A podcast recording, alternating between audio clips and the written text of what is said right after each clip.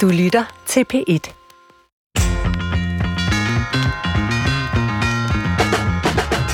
Det er bestemt ikke nemt at sende sine børn afsted ud i verden. Vi sender de små i vuggestue, og derfra kan de se frem til at blive institutionsbørn. Sådan er det bare for de fleste i vores land. Men der er samtidig en vedvarende kritik af de tilbud og vilkår, børnene vokser op under. Er pædagoguddannelsen nu god nok? Er normeringerne for dårlige? Giver vi børnene en ordentlig begyndelse på livet, når de skal sidde 16 børn under 3 år med et par pædagoger og en medhjælper? Men omvendt klarer de fleste børn sig jo heldigvis godt, så hvad er egentlig problemet på børnenes arbejdsplads? Det handler Brinkmanns Brix om i dag, hvor vi stiller skarpt på den vigtige tid, vores børn tilbringer i institution. Så velkommen til. Jeg har sådan overordnet været glad og tilfreds med mine børns opvækst i institutioner. Vi sendte dem i vuggestue, børnehave og sidenhen folkeskole, som de fleste jo gør i Danmark. Men øh, for et par uger siden sagde en af vores gæster i programmet her, det handlede om den lykkelige barndom, at han ikke mente, at det var forsvarligt at sende børn i institution, som det er lige nu. Og det var professor i udviklingspsykologi fra Aarhus Universitet, Dion Sommer. Der er, for, der er for få voksne, der er for lidt tid til leg. Børnene får ikke den sunde udvikling, som de bare skal have. Nu er jeg jo ikke småbørnsforælder længere, men jeg blev da ramt af Dion Sommers øh, kritik, for hvad er det dog, jeg har sendt mine børn ud i, og hvad kommer de kommende generationer mon til at lide under? Til ret lækker, Christoffer Heide Højer, du er jo lige en del yngre end mig, og øh, du kommer jo nok til at stå foran og sende dine børn i institution en dag. Vil du det?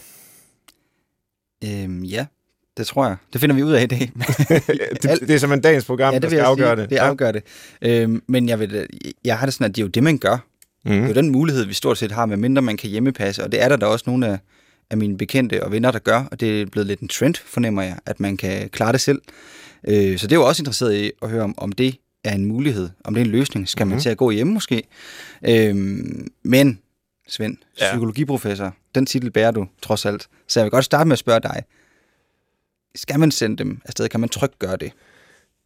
Altså, bruh, øh, jeg vil sige, hvis kvaliteten er god i de tilbud, der er, så øh, tyder alle de undersøgelser, jeg i hvert fald har kendskab til, og det er jo ikke nogen undersøgelser, jeg selv laver, det er ikke i den forstand mit område, men det er da et, jeg har fulgt en lille smule med i, og, og det tyder altså på, at øh, ja, så kan man trygt gøre det. Og hvad er god men, kvalitet? ja, det er jo så det næste. Øh, og, og det handler jo om, øh, altså ganske basal omsorg og tid og nærhed, og selvfølgelig også øh, altså, passende med, med udfordringer for børnene, så der er noget indhold i, i hverdagen. Men det er klart, når de er meget små, så er det sådan nogle helt øh, fundamentale ting omkring øh, omsorg og, og nærvær.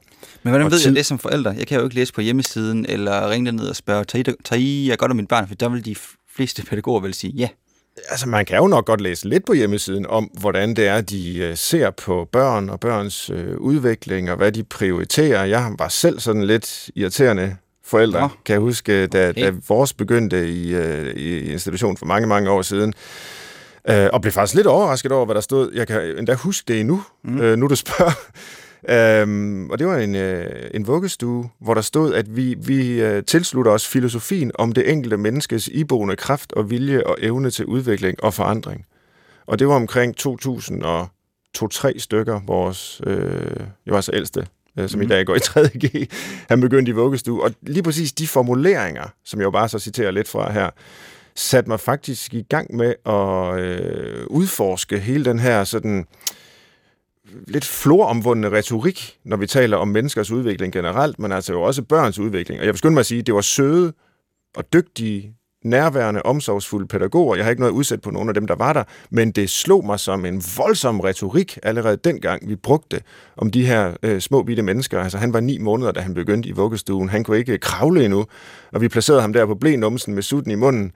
Øh, der var syv meter til loftet. Det var sådan et overbelyst øh, lokale. Det lignede nærmest sådan et øh, øh, åbent kontorlandskab hos McKinsey eller sådan noget. Øh, og, ja, der var jeg da lidt bekymret, må jeg indrømme, men altså heldigvis blev det gjort til skamme, fordi det var nogle dygtige folk, der arbejdede der. Men, øh, men også var det hans iboende kraft. Jamen, det er det. Altså. Husthed, der sørgede for, at han klarede dagen, fordi det, han det, gode forældre. Jamen, det kan også være. Men øhm, nu siger du, det ikke er noget, du har øh, undersøgt synderligt, men, men du har trods alt udgivet en bog øh, sammen med Lene Tangård og, og Thomas Åstrup Rømer, ja. der hedder Uren Pædagogik, eller flere bøger. Ja, vi er ikke så opfindsomme, så de hedder Uren Pædagogik, Uren Pædagogik 2 og Uren Pædagogik 3. det er fornemme titler. ja. Men hvad er det, øh, I forsøger at gøre op med der? Altså man kan sige, det er jo sådan nogle øh, altså, forskningsbaserede bøger, men som også øh, polemiserer. Øh, og det er derfor, vi taler om uren pædagogik som en modsætning til det, som i hvert fald i mange år har hersket inden for den pædagogiske verden, og det kalder vi så en ren pædagogik. Og det ser vi som sådan en... Øh, altså sådan en konceptgørelse af det pædagogiske arbejde. Man vil isolere nogle særligt virkende faktorer. Man øh, efterligner sundhedsvidenskaberne, der udvikler medicin. Det ved vi jo meget om i coronatiden her, ikke? Øh, så har man en, en øh, en gruppe, der får øh, den, det aktive stof, eller den aktive pædagogiske intervention, og så en kontrolgruppe, der får placebo, eller får noget andet. Og, og, og virker det så? Lærer børnene mere under øh, den ene eller den anden øh, pædagogiske øh, hat? Altså, det er jo sådan den rene pædagogik, der ligesom vil øh, øh, gøre pædagogik til noget øh, bestemt, der skal fremme nogle særlige øh, læringsmål og sådan noget, hvor det urene, det er jo sådan, der siger, at en pædagogik foregår altid øh, mellem mennesker i en historisk situation, det er en praksis, man må også øh, forlade sig på sin dømmekraft som professionel øh, erfaren pædagog. Der er alle mulige urene faktorer, der spiller ind i, i børns udvikling, i alle menneskers udvikling, det gælder jo lige så vel i voksenlivet. Så den der drøm om det rene, øh, den, det, det rene videnskabelige, øh, inden for pædagogikken. Det, det, det ser vi lidt som en, en risiko, mm. og, og slår et slag for alt det urene. Sidste ting for mig, før vi skal høre fra gæsterne. Øhm, hvis du nu lige skulle lege coach, ja. og så præsentere det, man skal kunne som barn, når man træder ind i en vuggestue eller en børnehave, hvordan vil du så gøre det? ja, man skal, hvad var det, jeg sagde lige før? Øh, finde den indre øh, evne og vilje og, og styrke til udvikling og forandring frem. Øh, det er i hvert fald et bud. Men, men der er jo... Øh, Altså for eksempel øh, noget, der hedder læringshjulet, som jeg også tror, nogle af mine børn har været udsat for, som bruges i daginstitutioner, øh, som jeg faktisk kiggede lidt på forleden, hvor, og ifølge det skal børnene jo være psykisk robuste og tage initiativ og have indlevelse i andre mennesker, kommunikere med deres følelser, håndtere sprogets form, deltage i kulturelle aktiviteter og meget, meget andet. Og så kan man score dem, man kan vurdere dem. Er det noget, de kan alene? Er det noget, de kan kun, hvis de har hjælp, øh, får hjælp til det af en anden? Eller er det noget, de slet ikke kan? Og sådan noget. Og så kan man få sådan en fin øh, oversigt over barnet øh, kompetenceprofil, og hvor det skal sættes ind for, at det bliver aldersvarende, eller hvad man nu vil kalde det. Og øh, ja, der begynder vi måske nok at nærme os lidt den der rene pædagogik, øh, hvor man godt måske kan glemme, at det jo også bare er børn, der skal øh, have lov at være det og lege og, øh, og udvikle sig stille og roligt, og ikke presses ind i alle de her systemer, som vi voksne finder på på deres vegne.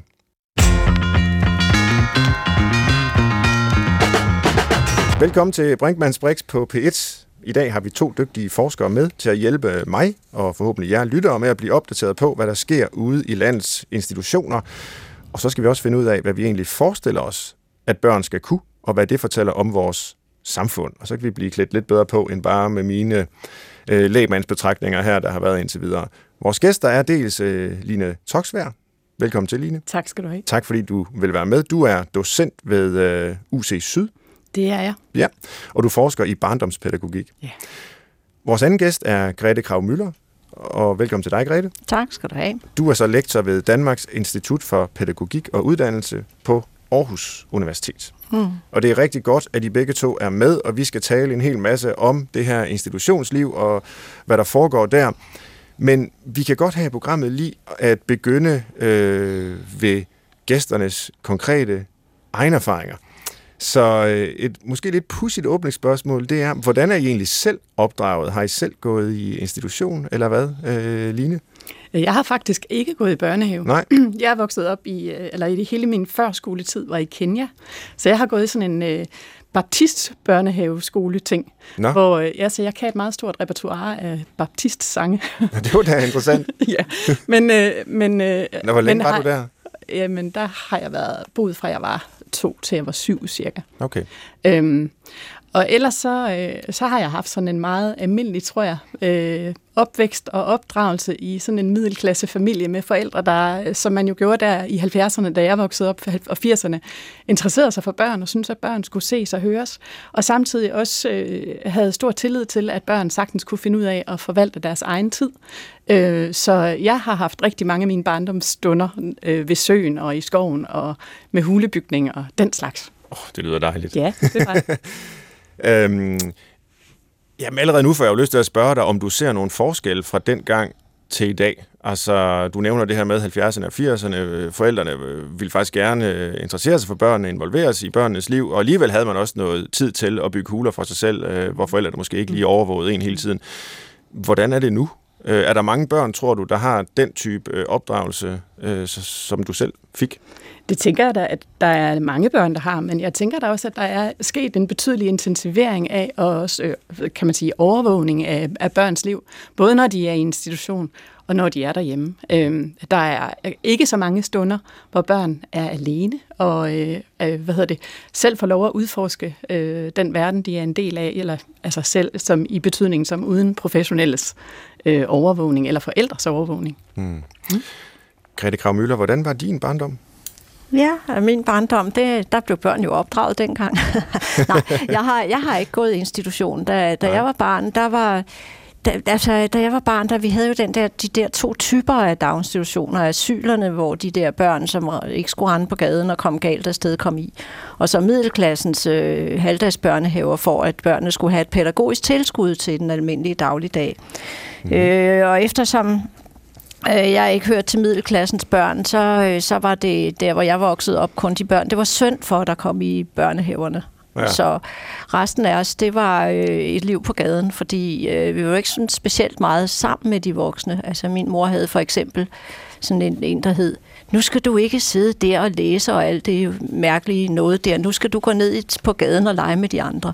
Okay. Altså, så det der med at, at skulle uddanne sig og, og sådan noget, det var ikke noget, man sådan lagde meget vægt på der, hvor jeg voksede op. Til gengæld, så var der en gade med ja, masser af børn, altså hvor vi jeg ved ikke, hvor mange busker og sådan noget, der var lige der, hvor jeg voksede op, men, øh, men det har så også gjort, at jeg bedre kan finde ud af, hvad jeg skal lave i en baggård ude på landet. Så, øh, så Hvilke årtier var det, du øh, jeg voksede, jeg har, jeg er vokset op i, øh, i øh, slutten, lige omkring 1950, lige, lige efter krigen, og så op mm. igennem 50'erne.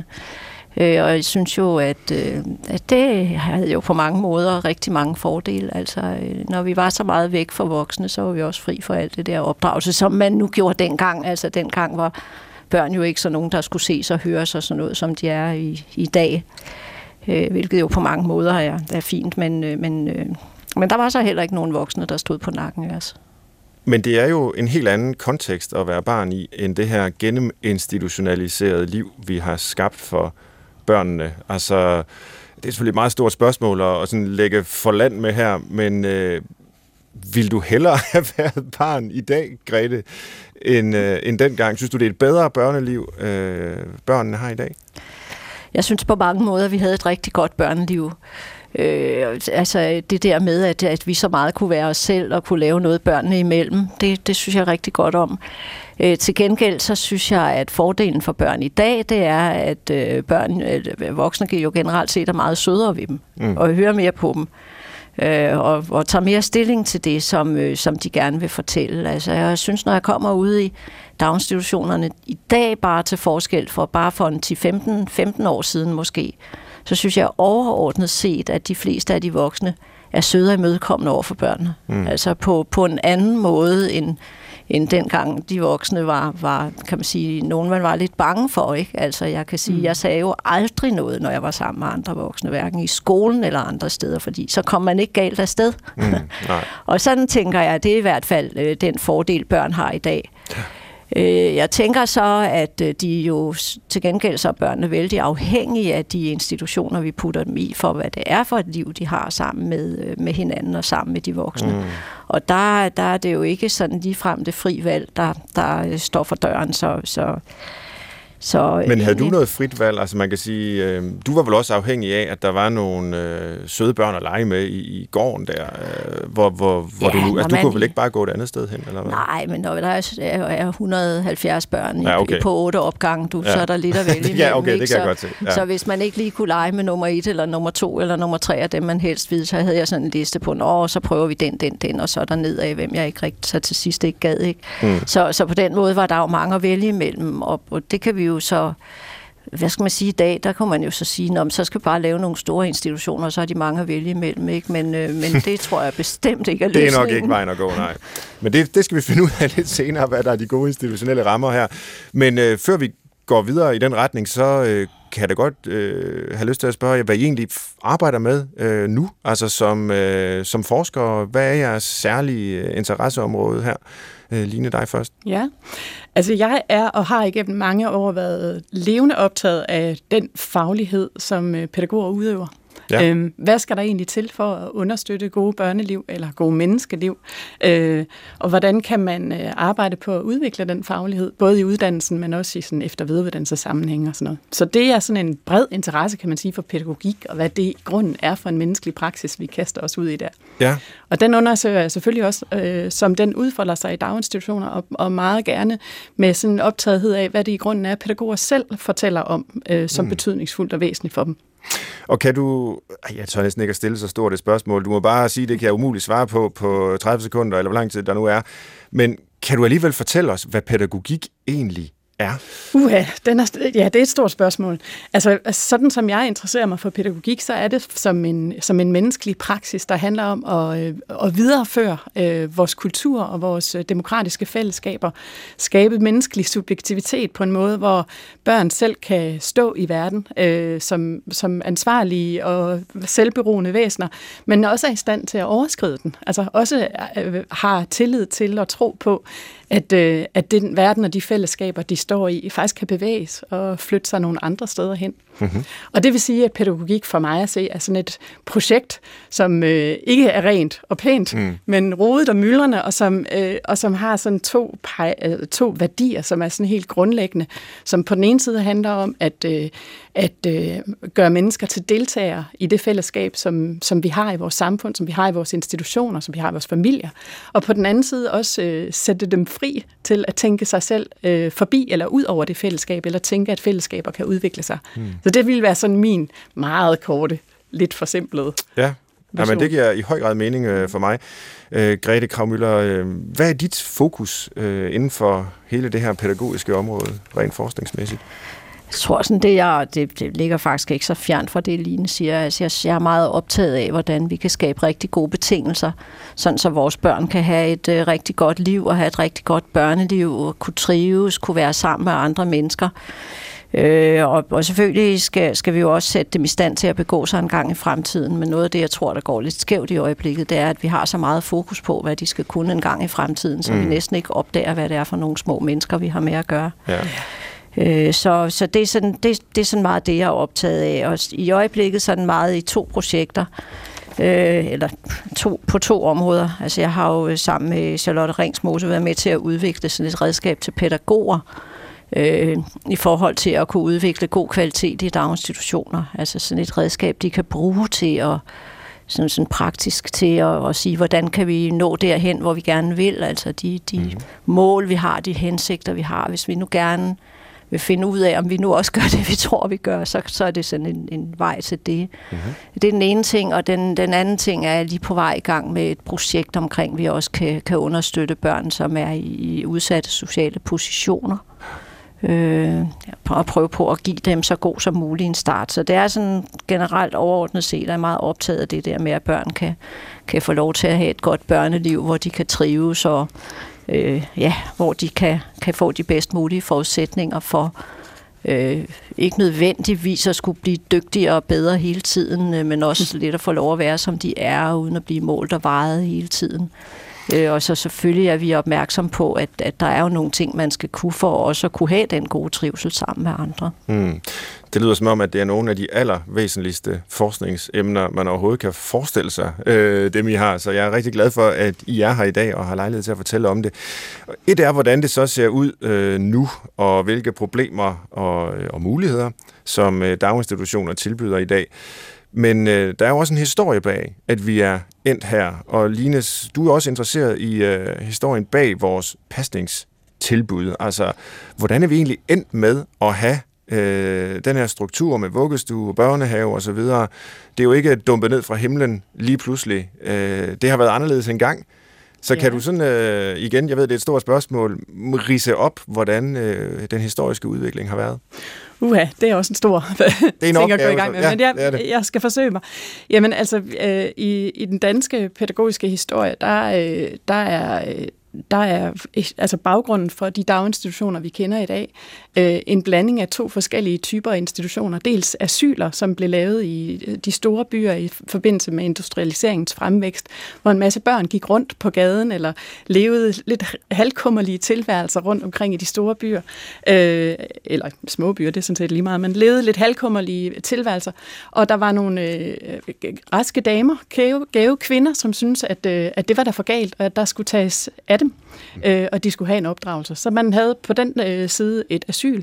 Og så er der en anden tradition, som er børnehave-traditionen, hvor, øh, som er det, Grete lidt fortæller om, at det var, øh, at, at der var nogle børn, der kom i børnehave. Øh, de børn, som øh, havde forældre, typisk med ret stærke ressourcer, som synes at øh, det var væsentligt at give børnene et tilbud, som øh, var et ved siden af deres hjem. Mm. Øhm, og efterhånden, som, øh, som daginstitutionstraditionen har udviklet sig, så er det jo så efterhånden også blevet et statsligt anlæggende, øh, samtidig med også, at kvinderne kommer ud på arbejdsmarkedet i den grad, som de gør. Og vi ja, det må være den altså, virkelig drivende kraft i den her udvikling. Ja, ikke? Altså, det, er, det er bestemt som, som det jo er med mange ting i de 20. århundrede. Altså, ja. Altså det, at kvinderne kommer på arbejdsmarkedet, det ændrer jo hele ja. familiestrukturen ja. Og, og alt i samfundet ja. på, på en måde. Ja, og man kan sige, at der har været sådan nogle forskellige bølger i, i den institutionalisering, der er foregået, hvor øh, den starter starter med, med en, at den starter i, i civilsamfundet, kan man sige, bliver gradvist overtaget af staten og bliver et statsligt projekt, øh, der handler om i første omgang at få kvantificeret kvantificeret, altså få skabt rigtig mange daginstitutionspladser. Og efterhånden begynder man så også øh, kvalitativt at interessere sig for, hvad det er, der foregår inde i daginstitutionerne, og især, som Grete også peger på, hvad der skal komme ud af dem i den anden ende. Øhm, altså daginstitutionerne er jo nu i, det, altså i meget høj grad underlagt sådan et næsten sådan finansministerielt økonomisk regime, ikke, hvor vi er vældig optaget af, hvad der kommer ud af daginstitutioner som effekter og resultater, og måske knap så optaget af i vores diskussioner og samtaler om dem, det perspektiv, man kunne kalde et her og nu perspektiv, som handler om, hvad er det børn øh, og pædagoger oplever sammen her og nu, ja. og den styrker vi det. Og det lyder som om, at det er en stor forskydning i vores syn på daginstitutioner, fra at det var et sted, hvor børnene ligesom skulle opmagasineres, øh, mens forældrene, begge forældre, øh, gik på arbejde, så var der nogen, der ligesom skulle tage sig af børnene imens, til at det nu er et sted, hvor vi investerer i børnene, så de bliver arbejdsmarkedsparate og god arbejdskraft og kan indgå i det, som nogen kalder konkurrencestatens konkurrence med andre stater i globaliseringens navn osv. Ikke? Altså, Øh, og hvis jeg nu skal, nu vender jeg mig mod, mod dig, Grete, øh, som jo også har fulgt den her udvikling i mange år, og hvis jeg skal ligesom tage Finansministeriets kasket på, så, så kan man sige, jamen, hvorfor ikke få så meget ud af børnene som muligt, når de alligevel skal opmagasineres der? Hvorfor så ikke sætte ind med læring og udviklingsplaner og alt det der, øh, hvis det gør, at børnene bliver klæd, bedre klædt på til fremtidens samfund. Nu lyder jeg ligesom en eller anden finansminister. Kan vi sagtens gøre. Man skiller jo i daginstitutionsverdenen imellem to traditioner. Det, der hedder den, øh, den angloamerikanske og den nordiske tradition, hvor vi i den nordiske tradition har haft meget fokus på leg, og børnene skulle selv eksperimentere og være deltagende og indflydelse, og, og hvor, kan man sige, den udvikling, vi gerne vil fremme, kommer gennem lejen, og så den angloamerikanske, som mere er den, du peger på der, hvor vi gerne vil øh, lære dem akademiske færdigheder, sådan ud fra en eller anden sjov tanke om, at hvis vi lærer dem at lave matematik, når de er to, i stedet for når de er seks, så kan de det nok bedre, når de er ti. De ja. undersøgelser, der er lavet om det, blandt andet nogle af de øh, OECD-undersøgelser, der er lavet, de viser nu, at øh, det, det bliver faktisk ikke bedre, hvis vi sætter ind med alt det der, de skal lære og alt muligt, fordi når børnene når til tredje klasse, så kan de alligevel det samme. Ikke? Ja. Øh, og det hænger primært, tænker jeg, sammen med, at hvis vi ser på det, der er vigtigt for små børn, så er noget af det, der er vigtigt for små børn, det er faktisk at udvikle nogle personlighedsmæssige ting, som kommer i relationen til den voksne, i her og nuet, hvor barnet kan få lov at være barn og være optaget af de ting og de måder, man nu er det på, når man er lille sammen med de voksne. Hvis vi skruer på og hele tiden vil, vil optimere, hvad de skal blive dygtige til en gang i fremtiden, så sker der faktisk det, at vi kommer til at og ikke få understøttet det, der er det centrale grundlæggende i børnets udvikling. Sådan så, så man, man kan sige, at man får flyttet de voksnes opmærksomhed et forkert sted hen, så vi kan i virkeligheden risikere, at hvis vi fortsætter med alt det der, så får vi faktisk nogle børn, som bliver mindre livsduelige i nutidens samfund, end de ville være, øh, mm. hvis vi ikke gjorde det. Hvad kunne eksempler være på de her personlighedsmæssige egenskaber, de skal tilegne sig, som måske bliver overset, hvis de hele tiden skal dygtiggøres ud fra nogle andre hensyn? Jamen, det handler jo om, at hvis børn de skal, skal, skal, skal kunne, kunne indgå i samspil med andre, for eksempel, mm. så skal de jo have en oplevelse af, at andre er rare at være sammen med. At det andre er positive i forhold til mig, og de er opmærksomme på mig. Barnet skal for eksempel have hjælp. Det lille barn skal have hjælp, hvis det er ked af det. Ikke? Altså, mm. når barnet bliver afleveret i vuggestue, øh, og bliver ked af, at mor går, ikke? så kan det ikke nytte noget, at øh, pædagogen har opmærksomheden på, at nu skal hun til at lære børnene farver. Ikke? Nu skal hun have opmærksomhed på, at, at barnet er ked af det, og det er jo en, kan man sige, der kører jo adrenalin rundt i det lille barns lille krop der, så hun skal jo kunne holde om barnet og se på barnet, og du kan bare ikke lide din mor går og have tid til det, ikke? Nu skal du se, nu sidder jeg her og holder om dig, så mærk, så går det væk. Prøv at mærke sådan der, nej, nu så begyndte du at synes, det var spændende at være i vuggestuen. Eller hvis det ikke går væk og siger, åh skat, det er bare så svært i dag. Ved du hvad, nogle gange hjælper det, hvis man laver noget. Hvad synes du om, at vi skulle prøve at lave det her? Ikke? Altså hun skal blive nødt til at have tid og opmærksomhed på, at det der med at støtte barnet i at mærke sine følelser og kende sine følelser og, mærke, at sådan nogle er ikke farlige. De glider væk igen og giver plads for noget andet, og så bliver jeg måske optaget af det, jeg skal lære her. Ikke? Altså hvis, hvis man har opmærksomheden på, for eksempel i en børnehave, der har jeg faktisk været ude og lave sådan nogle øh, øh hvad hedder det, vurderinger af kvaliteten, hvor Øh, det ene år havde de faktisk en ret god kvalitet på øh, relationer, altså på hvordan de understøttede børnene, for eksempel når de var kede af det, eller ikke kunne finde ud af at lege med hinanden, eller var kommet til at sætte tænderne i naboen. Ikke? Så, øh, så, øh, så, så øh, havde de fået ligesom nogle læreplaner, der gjorde, at nu skulle børnene lære nogle bestemte ting, og året efter var de faktisk, der brugte de tid på at sidde med sådan en gruppe på 20 børn og øh, rækker tommelfingeren op. Hvad hedder denne her? Tommelfinger. Mm ja, det er rigtigt, hvor er I dygtige. Hvad hedder denne her? pegefinger, ja. Og så sid nu stille, lad nu være, lad være at gøre det der. Altså, hvor, hvor man kan sige, at de relationer, som i virkeligheden ville understøtte børnenes udvikling, de var forsvundet, fordi man, man ligesom skulle noget bestemt i forhold til at lære børnene nogle bestemte færdigheder.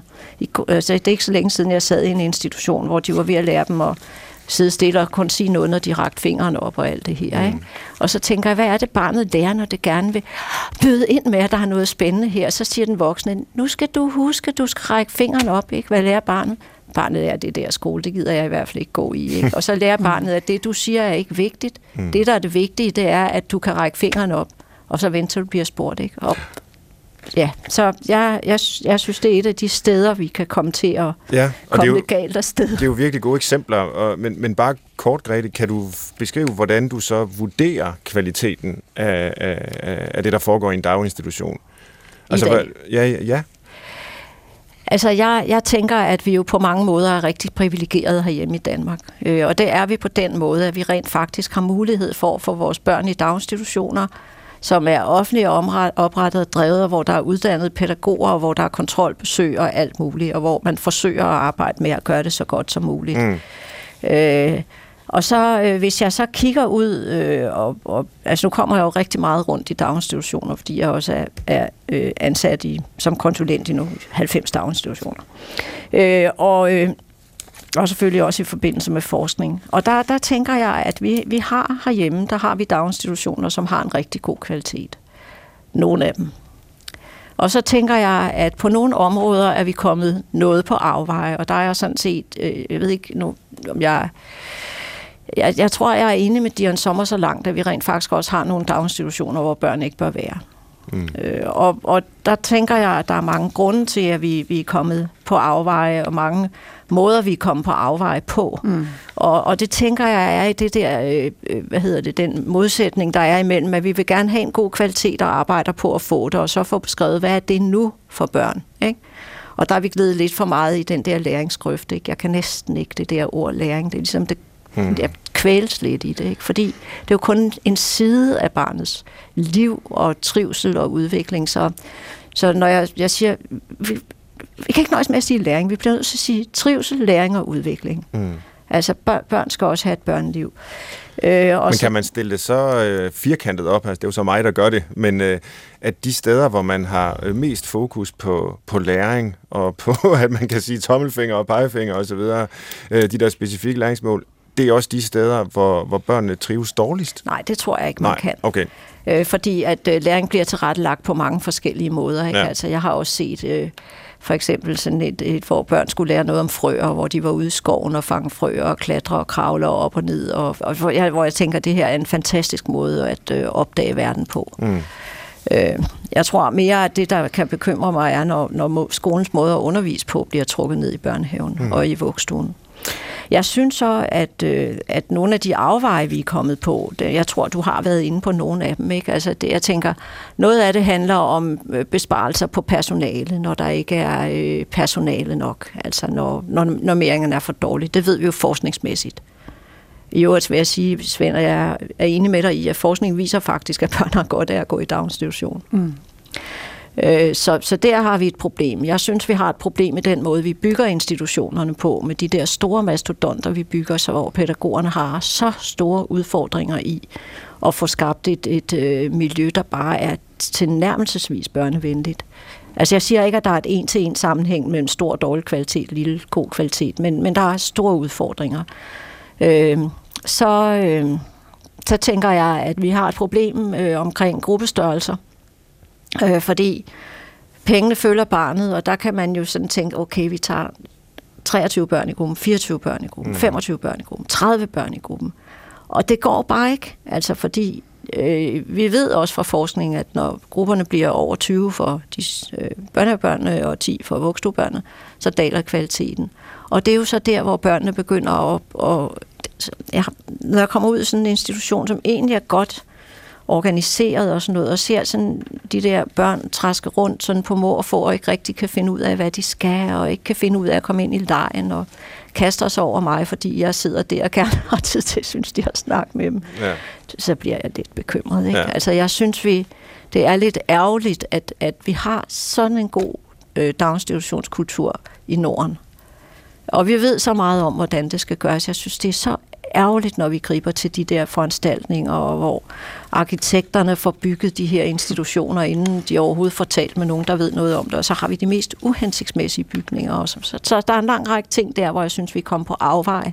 Ja. Men overordnet set, så er, øh, hører jeg faktisk til tilhængerne af institutioner. Ja. Og jeg synes, børn kan have et fantastisk børneliv ja. i en daginstitution. Og det ved jeg også, at Dion Sommer gør, altså hører til tilhængerne af daginstitutioner. Ja. Ja. Han underviste mig i udviklingspsykologi og præsenterede netop de der undersøgelser. Det er jo så ja. mange år siden, der viste, at alt andet lige, så har børn, i hvert fald i Skandinavien med den øh, struktur, vi har på, på institutionsområdet, godt af at komme i institution. Og, og derfor er, er nyheden jo, at han nu siger, at med den udvikling, der har været, så kan han ikke længere anbefale, at man sender sine børn i institution. Og nu vender jeg mig mod dig, Line mm. øh, Toksvær. Sådan helt bastant spurgt, vil du så sende dine børn, hvis de var øh, små og skulle i vuggestue i dag, i institution? Ja, det vil jeg bestemt. Det vil du? Ja, jeg, bestemt, jeg mener helt bestemt, at øh, børn har rigtig meget øh, glæde og gavn af at være i institution alene, fordi børn jo orienterer sig mod andre børn. Øh, og børnehaver og vuggestuer er jo steder at møde andre børn og udsætte sig for dem og for deres andre viljer ja. i leje. Øhm, og det, øh, det har en daginstitution nogle helt andre rammer for og muligheder for. Så, men jeg er fuldstændig enig med Grete i, at der, at, at der er en hel del øh, punkter, kan man sige, hvor vi er, er lidt på afveje, og, og, øh, normering, altså det, at vi ikke prioriterer området højere økonomisk, øh, og, og hvad hedder det i forhold til, til pædagogers uddannelse, det, det, det er selvfølgelig rigtig, rigtig ærgerligt, fordi det er meget, meget væsentligt, at man får skabt nogle pædagogiske miljøer, hvor der er nærhed, og der er omsorgsfulde voksne, øh, og også voksne, der er omsorgsfulde, når børnene leger selv og er mm. øh, i gang med deres egne sådan, engagement og optagetheder. Og hvad er dit indtryk? Øh, altså, hvor stort ser du, hvor stor ser du forskellen er øh, mellem gode og dårlige daginstitutioner? Fordi det lyder lidt nu, hvor I beskriver det som om, at øh, jamen, de steder, hvor kvaliteten er god, der kan man jo trygt sende sine børn hen, men så er der også de steder, hvor, hvor det er, er ret ringe. Og tænk, hvis mit barn ender der. Er det sådan en uh, tombola, vi har, og man trækker et lod, og så er det måske en nitte, og så er det bare ærgerligt, og så børnenes barndom på en eller anden måde ødelagt. Vi har tidligere her i Brinkmanns Brix øh, lavet udsendelser om, øh, om det her med, øh, nogen kalder det paranoid forældreskab. Ikke? Altså at man ligesom øh, er så optaget af, de der år, hvor børnene er små, der skal det bare lykkes, fordi forskningen siger også, det er så afgørende for, hvordan det går resten af deres liv. Så tænk, hvis det fejler. Tænk, hvis jeg sender mit barn i en forkert institution. Ja. Så altså, jeg prøver at spore mig lidt ind på, hvor bekymret man skal være øh, med hensyn til forskellen på, på, på gode og dårlige institutioner. Jeg tænker ikke, at man generelt skal være bekymret. Altså, jeg kommer også rigtig meget ud i forskellige daginstitutioner. Jeg synes, det, jeg synes faktisk, det er, hører til sjældenhederne at opleve noget, hvor jeg tænker, at det her er faktisk rigtig bekymrende. Men jeg oplever selvfølgelig institutioner, hvor øh, jeg især taler med pædagoger, som, øh, som ville ønske, at de havde bedre mulighed og mere tid til ja. at være nærværende i forhold til børnene, og hvor de synes, at der er for mange situationer, de er nødt til at lade gå, øh, og fordi de, øh, fordi de også har andre børn at tage sig af. Og, sådan. Øh, og jeg tænker, at øh, som forældre tror jeg, det er rigtig vigtigt, at hvis man øh, mærker i maven, at øh, uh, det her det bliver jeg bekymret over, eller her er jeg urolig på mit barns vegne, så synes jeg, det er rigtig væsentligt at snakke med institutionens pædagoger om det, og den leder, der er i den institution, og handle på det.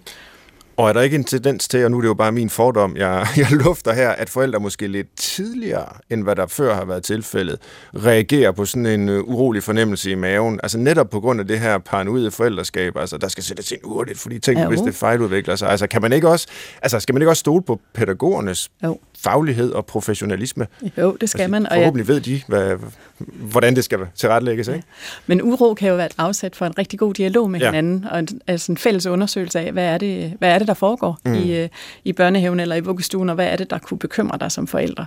Og det, øh, det er jo rigtigt, at, øh, at det er jo en del af, af den moderne daginstitutionspædagogs arbejde, at være dygtig til at, at gå, gå, gå åbent og empatisk ind i de der samtaler med forældre, og prøve at lytte til, hvad det er, de bekymrer sig omkring. Men også øh, få dem beroliget indimellem. Ja. Mm.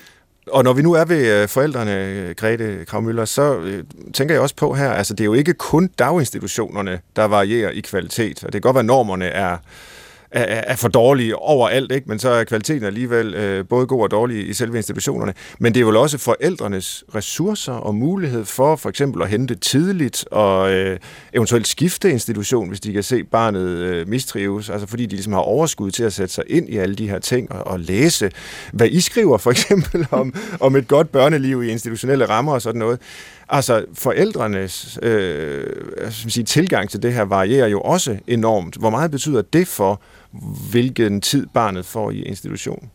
Det betyder rigtig, rigtig meget. ja. Fordi som du selv siger, det kan vi jo også se i undersøgelser, så er forældre med overskud, de sørger jo for at lide rundt og prøver på at arbejde for, at deres børn kommer i de institutioner, hvor de, når de besøger dem, øh, selv føler sig godt tilpas, og hvor, hvor det, det har en god kvalitet. Og det, det ved vi simpelthen fra undersøgelser, at, at øh, de børn, der er i, i mere socialt udsatte positioner, de kommer også i de institutioner, som ikke har så god en kvalitet.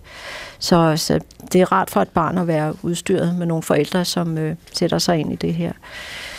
Øh, det, ja. det er jo frygteligt kedeligt, øh, kan man sige, at det er sådan, og, og jeg er fuldstændig øh, enig i det, Line siger om det, men, men jeg må sige, at, at Altså, jeg, jeg, jeg sådan tænker, jeg tror, at vi kan dele vores daginstitutioner op i tre kategorier. Altså dem, som har en rigtig god kvalitet. Øh, jeg har selv to små børnebørn, som går i de mest fantastiske institutioner. Altså må jeg sige, altså, som er, er virkelig Der har jeg også sørget for, at de kom hen jo. Jo, jeg kan også forestille mig, hvis man er leder eller pædagog i sådan en institution, og man ved, at uh, Grete Krav Møller er bedstemor til sådan et barn der, så vil man virkelig tage sig sammen. Og jeg tror nu nok, at det tror jeg nu ikke har været tilfældet her. Det har virkelig, virkelig en god.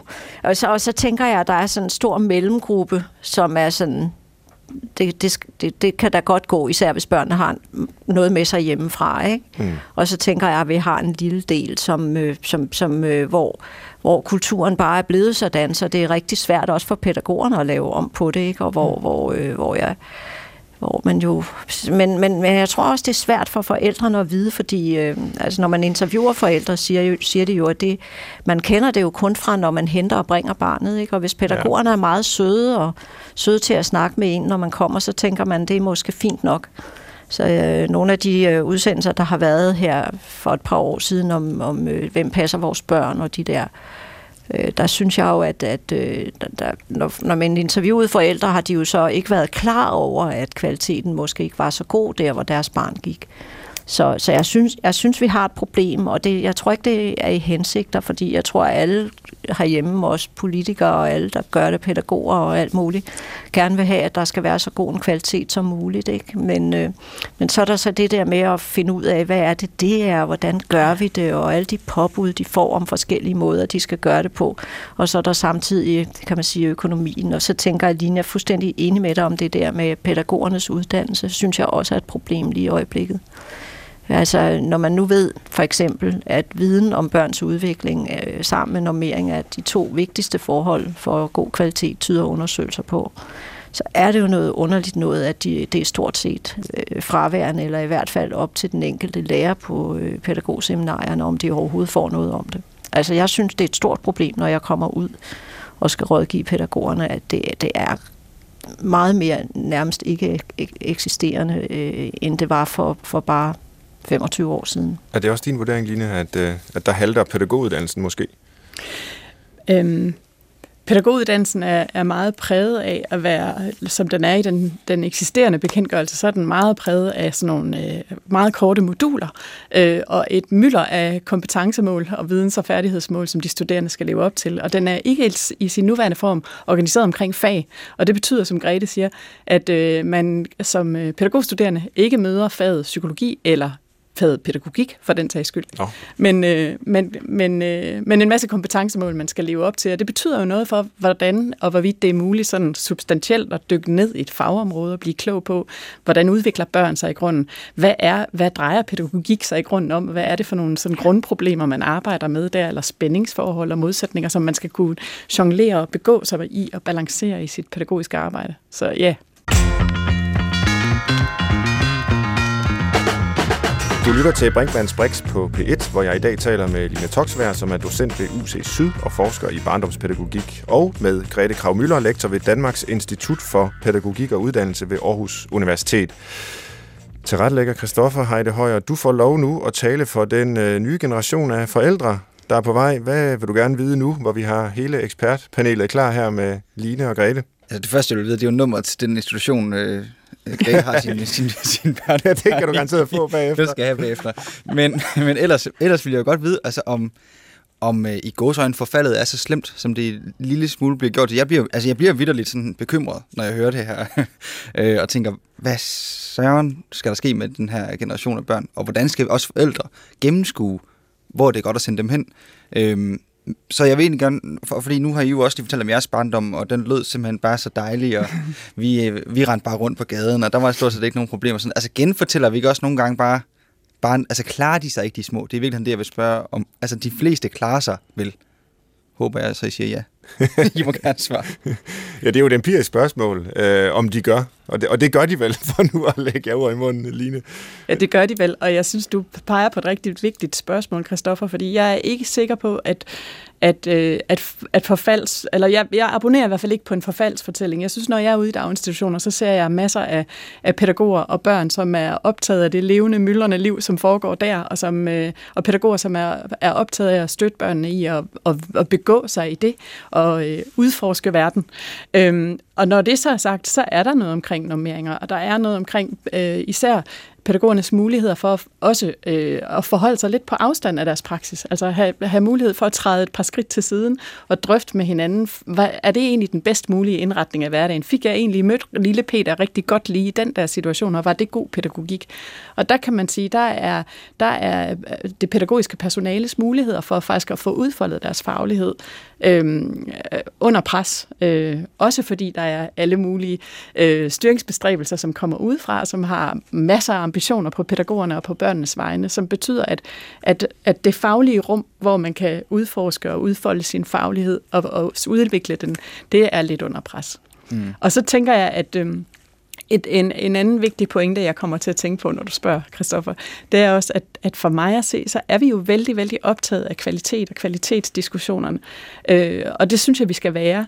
Det vanskelige, når vi taler kvalitet i forhold til små børns liv, det er jo øh, at få besluttet os for nogle kriterier, vi kan være nogenlunde enige om, og som også har en eller anden form for sådan almen udsigelseskarakter, hvor øh, øh, vi kommer nogle gange til at tale om det, om, om kvalitet og højkvalitetsinstitutioner og lavkvalitetsinstitutioner, som om det er én ting, eller det er noget, vi kan, vi kan sætte på bestemte institutioner. Og ja, måske, man forestiller sig sådan en uh, smiley-ordning ja, med rød, ja, gul og grøn, ja, og, noget, og det ja. ville måske være det aller værste, man kunne forestille Ja, sig. og det er i hvert fald, altså, og, og, og det er ikke for at sige, at man ikke skal diskutere kvalitet, Nej. men det er mere for at sige noget om, at det er jo, at, at det er jo langt fra en entydig størrelse øh, at, at give sig til at de, diskutere og definere det, og så snart vi gør det, så er vi jo også med til at påvirke den måde, vi ser på og taler om daginstitutioner på. Mm. Mm. Og lige nu er der nogle tendenser, synes jeg, til at tale om højkvalitetsinstitutioner, ikke som Grete gør det, men som et spørgsmål om, hvor dygtige er de til at bidrage til børns læring.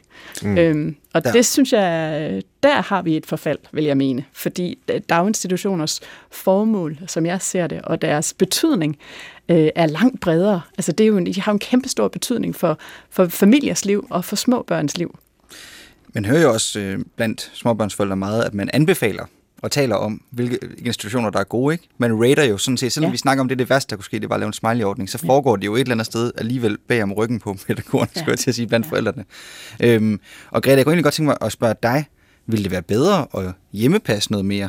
Fordi det var et spørgsmål, jeg egentlig savner lige lidt svar på. Okay, det vil jeg aldrig gøre. Hvorfor ikke dog? Det vil jeg ikke, Jeg ved fordi... da lige præcis, hvad der er godt for Troels. ja, nu, at, øh, altså der vil jeg sige, at forskning viser jo, at øh, små børn har rigtig meget af at være sammen med andre børn. Ikke? Altså, jeg mener faktisk, at øh, gode daginstitutioner byder på noget, man ikke kan give dem derhjemme. Andre børn at være sammen med i jævnaldrende og lege med nogle andre voksne, hvor de kan få nogle andre erfaringer og se, at øh, når det der mor ikke kunne finde ud af, det kan andre, når det kan godt være, at hun ikke kan finde ud af, det kan mor. Nej, jeg synes faktisk, at, øh, at det, jeg vil alt, ligesom Line vil jeg sige, at jeg ville til enhver tid finde en vugstue for mit barn. Også som ni måneder gammel lille baby? Altså, min startede, da de var fire, ikke? Øh, det gjorde man jo dengang. Ja. ja. Altså det, det, altså, det er ret sjovt. Der er faktisk noget svensk forskning, som viser, at de børn, der har startet tidligst i vugstue, det er dem, der klarer sig allerbedst hele vejen op igennem skolen, helt til 16 år. Men Christoffer, skal jeg give dig et par gode råd med hensyn til, når du skal ud og finde vugstue? Nå, ja, du, tak, du bor jo da. sådan set ikke i København, hvor du kan få telefonnummeret, vel? Jamen, det gør jeg faktisk. Nå, okay, ja, så skal jeg nok give dig det. Nå, altså, det, det, det, som jeg vil anbefale, det er, at man som forældre øh, prøver på at tage sådan en lille runde i det, der kunne være mulige institutioner. Og der vil jeg personligt kigge efter sådan lidt mindre steder. Mm. Gerne måske Check. nogen, der ligger i lejligheder, som ikke nødvendigvis har en stor legeplads, for de er som regel bedre normeret på grund af det der med, at de ikke har legeplads. Oh, det er et godt fif. Øh, så vil okay. jeg øh, ringe ned og sige, at jeg vil gerne på besøg, og hvis de siger nære og ikke og faste tider, så vil jeg stryge den på listen. Okay. øh, jeg vil ned og sidde, og når jeg så kommer der ned og sidde, så vil jeg se på, når jeg kommer ind, hvordan, er, hvordan ser det her ud? Er det sådan et sted, hvor, som er sådan et, øh, hvad hedder sådan noget, skandinavisk minimalistisk spisekøkken med øh, trip-trap-stole og høje bordstole, og så en enkelt kur med legetøj hen øh, i en reol op ad væggen, så vil jeg også stryge den af listen. Øh, så, så vil jeg se, det er, er der sådan ja, det er godt, bare sjove, spændende steder at være, sådan små steder, de kan lege, steder, hvor de kan kravle og klatre og løbe og lege de der grineleje, små vugstuebørn kan have med hinanden. Det vil jeg kigge på. Hvor spændende og sjovt er der her.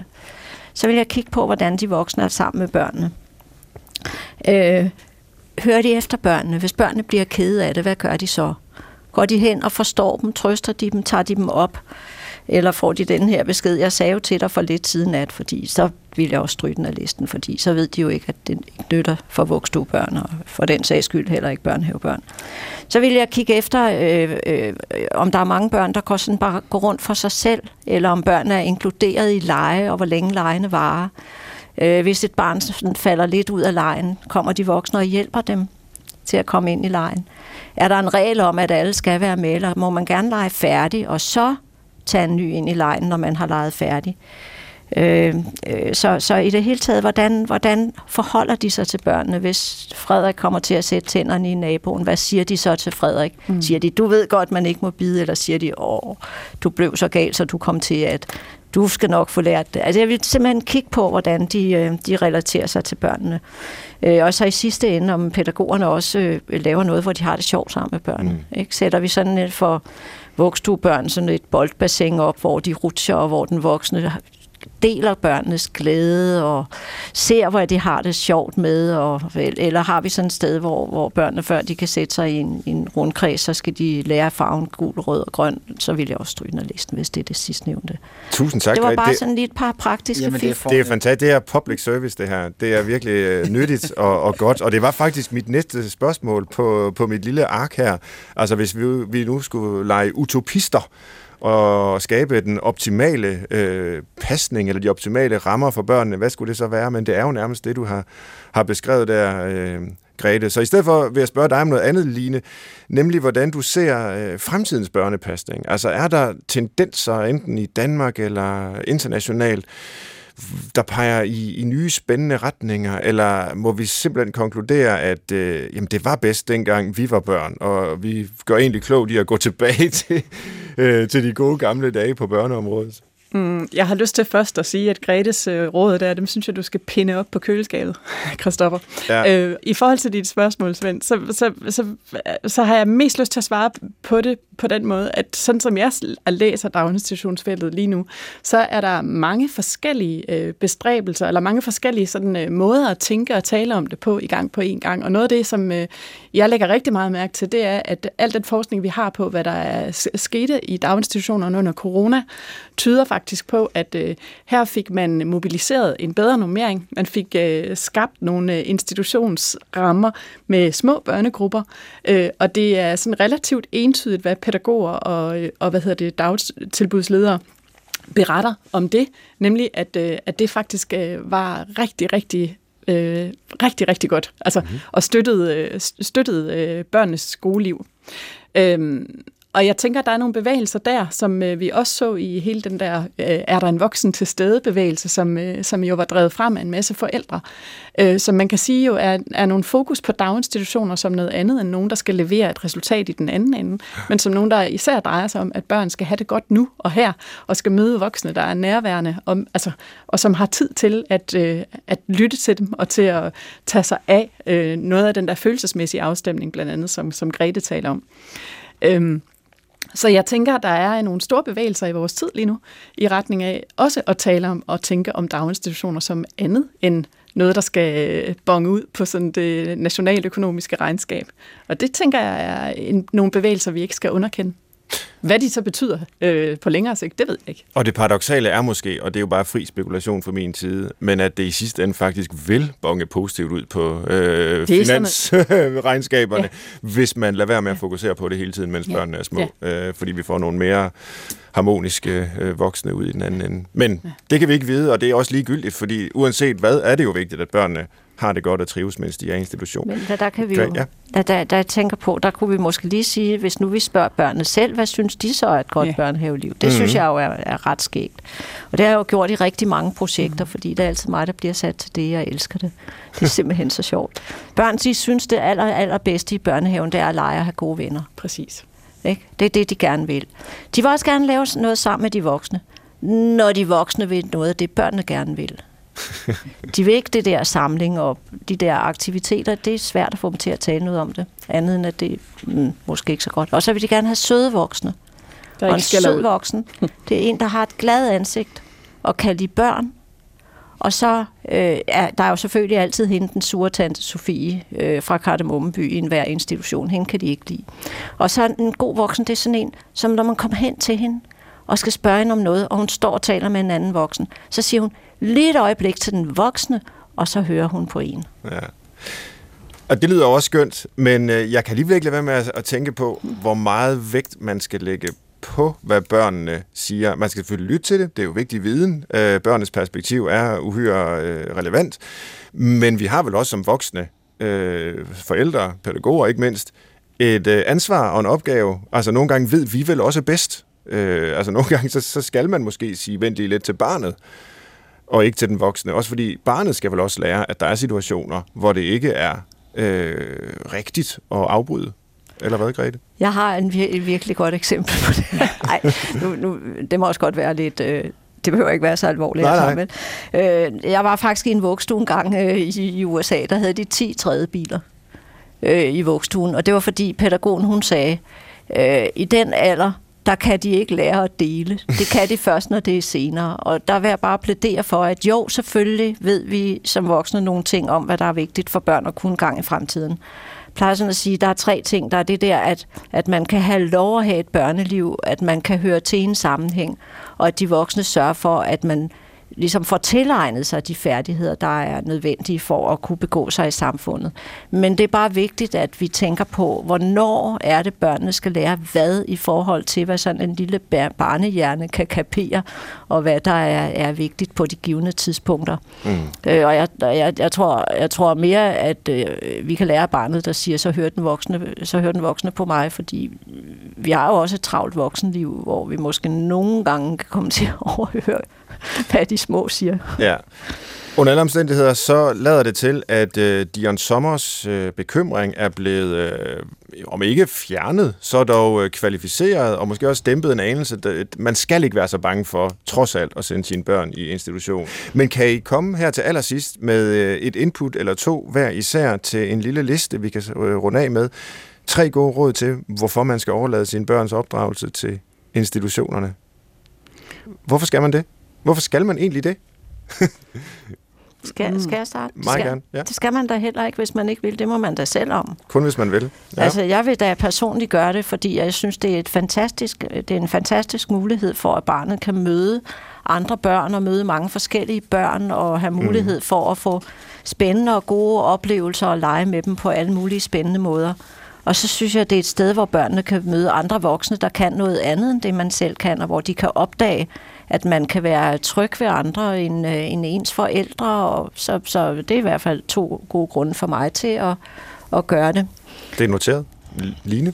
Ja, jeg stemmer i. Altså, børnehaver vuggestuer er steder, hvor børn kan møde andre børn og lege. Øhm, og det er deres vigtigste værensform, kan man sige. Mm. Og så, så er der også det, at øh, de, jeg tror, de fleste forældre dog har selverkendelse nok til at se, at øh, vi ønsker os ikke, at vores børn bliver sådan en spitting image af os selv. Men øh, de, skal, de skal jo selvfølgelig møde verden, og de skal møde andre voksne, som øh, præsenterer dem for nogle andre værdier, og som også øh, øh, øh, hvad hedder det, giver, dem, giver dem øvelse i at komme sig overens, at øh, man er ikke magen til verden. Øhm, og det betyder jo også, at man skal finde ud af at besinde sig på, at andre kan ville noget andet, end man selv vil, og finde ud af at begå sig i det. Og det er, tænker jeg, det er sådan et arbejde, øh, som, som man kunne kalde et dannelsesarbejde, nogle dannelsesprocesser, som foregår i børnehaver og vuggestuer, mm. som jeg tænker er helt vildt vigtige. Tusind tak for jeres input. Du har lyttet til Brinkmanns Brix på P1, hvor vi i dag talte om institutioner og institutionsbørnene. Tak til jer begge to. Gæsterne var Line Toksvær, docent på UC Syd, forsker i barndomspædagogik, og Grete Krav Møller, lektor ved Danmarks Institut for Pædagogik og Uddannelse ved Aarhus Universitet. Til retlægger var Christoffer Heide Højer. Jeg hedder Svend Brinkmann. Vi har fået mange gode forslag til nye programmer om børn og unge. Tak for dem. I må gerne skrive til os med yderligere forslag, ikke bare om det, men om alt muligt andet, på vores e-mailadresse, som er brinkmannsbrix.dk. Jeg håber, vi høres ved næste uge, hvor vi er tilbage. Tak for nu. Gå på opdagelse i alle DR's podcast og radioprogrammer. I appen DR Lyd.